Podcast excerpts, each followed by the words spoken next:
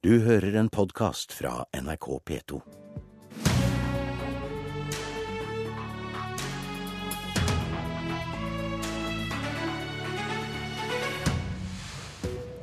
Hva gjør ungdommene når de voksne krangler så busta fyk? De fire borgerlige partileirene møtes for å evaluere samarbeidsavtalen neste uke. Her i Politisk kvarter starter vi med de fire ungdomspartileirene og spør blir det forsoning eller mer bråk. Bakgrunnen er saka som starta med KrF-nestleder Dagrun Eriksen sine utsegn om Frp sin retorikk i integreringsdebatten her i Politisk kvarter forrige torsdag. Ja, de skaper mer fremmedgjøring for unge eh, mennesker i dette landet.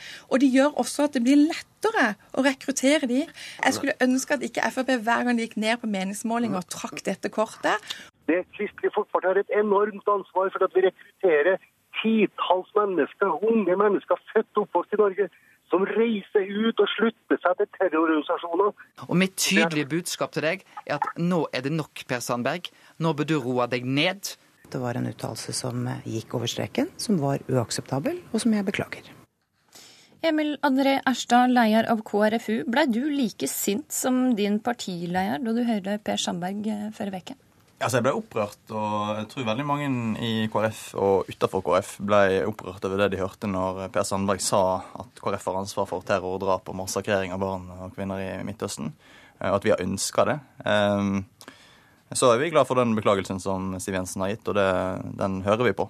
Um, og jeg tror det er viktig at vi nå kommer oss videre, fordi jeg støtter jo samarbeidsavtalen eh, veldig helhjertet. Jeg mener vi skal eh, verne om det som er der. Eh, der fikk vi gjennomslag for en mer human asylpolitikk. Vi fikk gjennomslag for ingen oljeboring i sårbare havområder, Lofoten, Vesterålen og Senja. Eh, I høst fikk vi 500 flere kvoteflyktninger enn SV klarte i regjering. Det klarer vi med Frp i regjering. Så det er en god del ting å ta vare på i samarbeidsavtalen.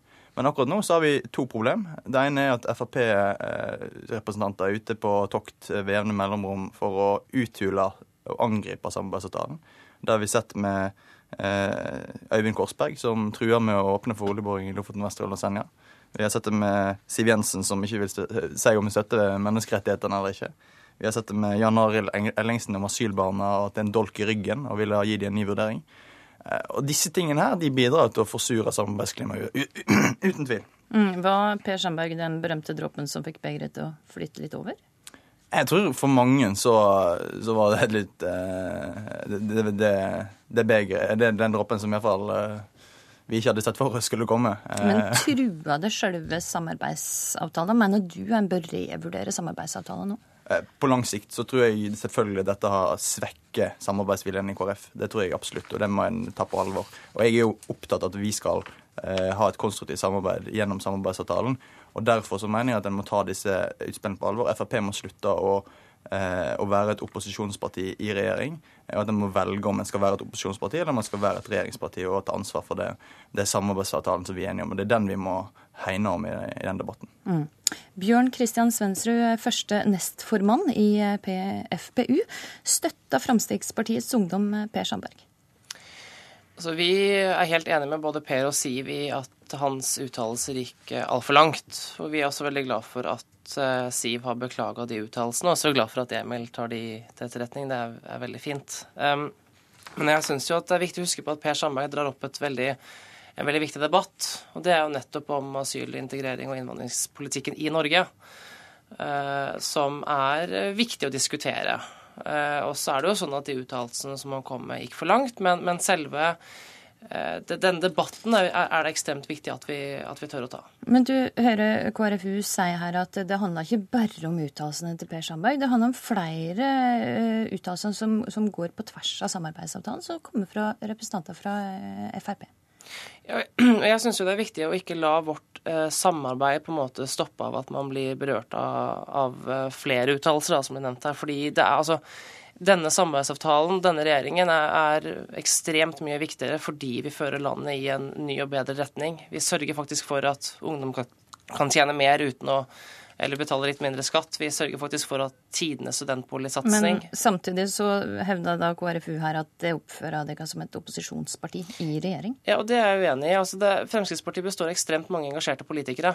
Uh, og verken Per Sandberg eller Lønning Korsberg sitter for så vidt i regjering heller. Altså De sitter i regjeringsparti på Stortinget uh, og fremmer også Fremskrittspartiet sin politikk. Og det, det må for så vidt være greit, akkurat som at Eh, KrF sine politikere fremme, f.eks. om, om eh, søndagsåpne butikker og, og, den type ting. Men mangla Siv Jensen litt kontroll på troppene, altså stortingsrepresentantene fra Frp? Nei, det syns jeg ikke. Altså, Denne regjeringen styrer godt, eh, og vi har et parti bestående av veldig mange engasjerte politikere, og det må, for så vidt, altså, det må være greit at vi Eh, kommer med eh, innspill og utspill om forskjellige typer politiske saker som har engasjert Fremskrittspartiet over, en lengre periode. At vi ønsker en strengere og mer rettferdig innvandringspolitikk, trenger ikke overraske noen. Det har vi ment i, ment i alle år. Og Derfor er jeg også spesielt glad for at vi får til tidenes utsendelse av Eh, rekordmange kriminelle asylsøkere som ikke skal være i landet. Samtidig som at vi sørger for tidenes bosetting av flyktninger, som er en del av den uh, integreringspolitikken som vi har snakket om i veldig mange år, som er veldig bra. Forstår. Kristian Tonning Riise, leder i Unge Høyre. I VG i dag så står det at det borgerlige samarbeidet mangler leiing. Er det sant? Nei, men jeg, jeg syns ikke det mangler uh, ledelse. Men jeg syns det er helt åpenbart at vi uh, trenger å, alle fire partiene, å komme inn på en, en ny kurs i debatten. Og jeg tenker jo at Hele utgangspunktet her må jo være at alle vi fire partiene er enige om at vår politikk til sammen tar landet i en, i en bedre retning. Og Da er vi helt nødt for å finne en bedre måte å snakke med hverandre og en bedre måte å snakke om hverandre. For nå handler, er det litt for mye kaos? Ja, nå er det litt for mye. Det handler både om at man må i hvert fall slutte med å komme med den type karakteristikker av hverandre som vi har sett i eh, offentlig debatten en stund nå. Og ikke minst så må man på begge sider, tror jeg, eh, slutte å tolke hverandres politiske utspill i, i, verste mening. For det er jo sånn at sånn skal det jo være. Vi er fire ulike partier, og det er klart at uh, FrPs stortingsgruppe må ha anledning til å fremme forslag som er i tråd med FrPs program. Og KrF og Venstre må også ha anledning til å fremme forslag som uh, som eh, er eh, utenfor samarbeidsavtalen på, de, eh, på, på andre områder. Og da er, det, men da er det avgjørende for dette samarbeidsklimaet at ikke det blir møtt med en politisk debatt hvor vi nærmest konkurrerer om å tolke hverandre i, i verste mening. Mm. Uh, og jeg syns jo at vi uh, fire borgerlige ungdomspartiene har jo mye uh, å være fornøyd med. Altså, vi er klart at De mener at hele det regjeringsprosjektet som vi snakker om nå, med å ruste Norge for fremtiden, er jo i stor grad tuftet på en, eh, debatt og en virkelighetsbeskrivelse som vi egentlig var først ute med å, med å trekke opp. Så her har vi et veldig godt grunnlag, mener jeg, for, å, for, å, for et godt samarbeid og for å komme med mye ny og god politikk, og det kommer jo Men det blir altså litt overskygga av uh, intern eh, krangling? Ja, det er jo det, det verste sånn her. for det, det, kommer jo veldig mye. Jeg syns jo at f.eks. Uh, Bjørn Kristian nevnte studentboliger. Nå bygger vi dobbelt så mange studentboliger i år som de rød-grønne gjorde. Vi har uh, nå Uh, doble altså jeg, jeg nå... Hele partiprogrammet nå. Jeg må stille et spørsmål. Altså, Sandberg og Hareide der ennå ikke møttes, Eh, og krangelen om, om denne årsakinga den går fortsatt fram og tilbake. Og nå er det altså varsla at det skal være et møte blant eh, partilederne og de som var med og samarbeide og forhandla fram samarbeidsavtaler på tirsdag. Hvor viktig er det nå at det blir skværa skikkelig opp? Det er, det er, kjempeviktig. altså Det er helt avgjørende. For det er klart at det mener jeg at det, det vi ser nå, eller det, her bildet som tegnes nå av eh, et litt sånn kaos på, på borgerlig side, så det er den største utfordringen for dette prosjektet nå.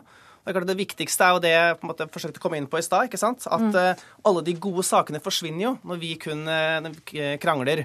Og gjerne krangler om å tolke hverandres politikk i verste mening. Og det må vi ganske enkelt slutte med hvis vi skal ha noe, hvis det prosjektet her skal ha den fremtiden som den burde ha. Mm.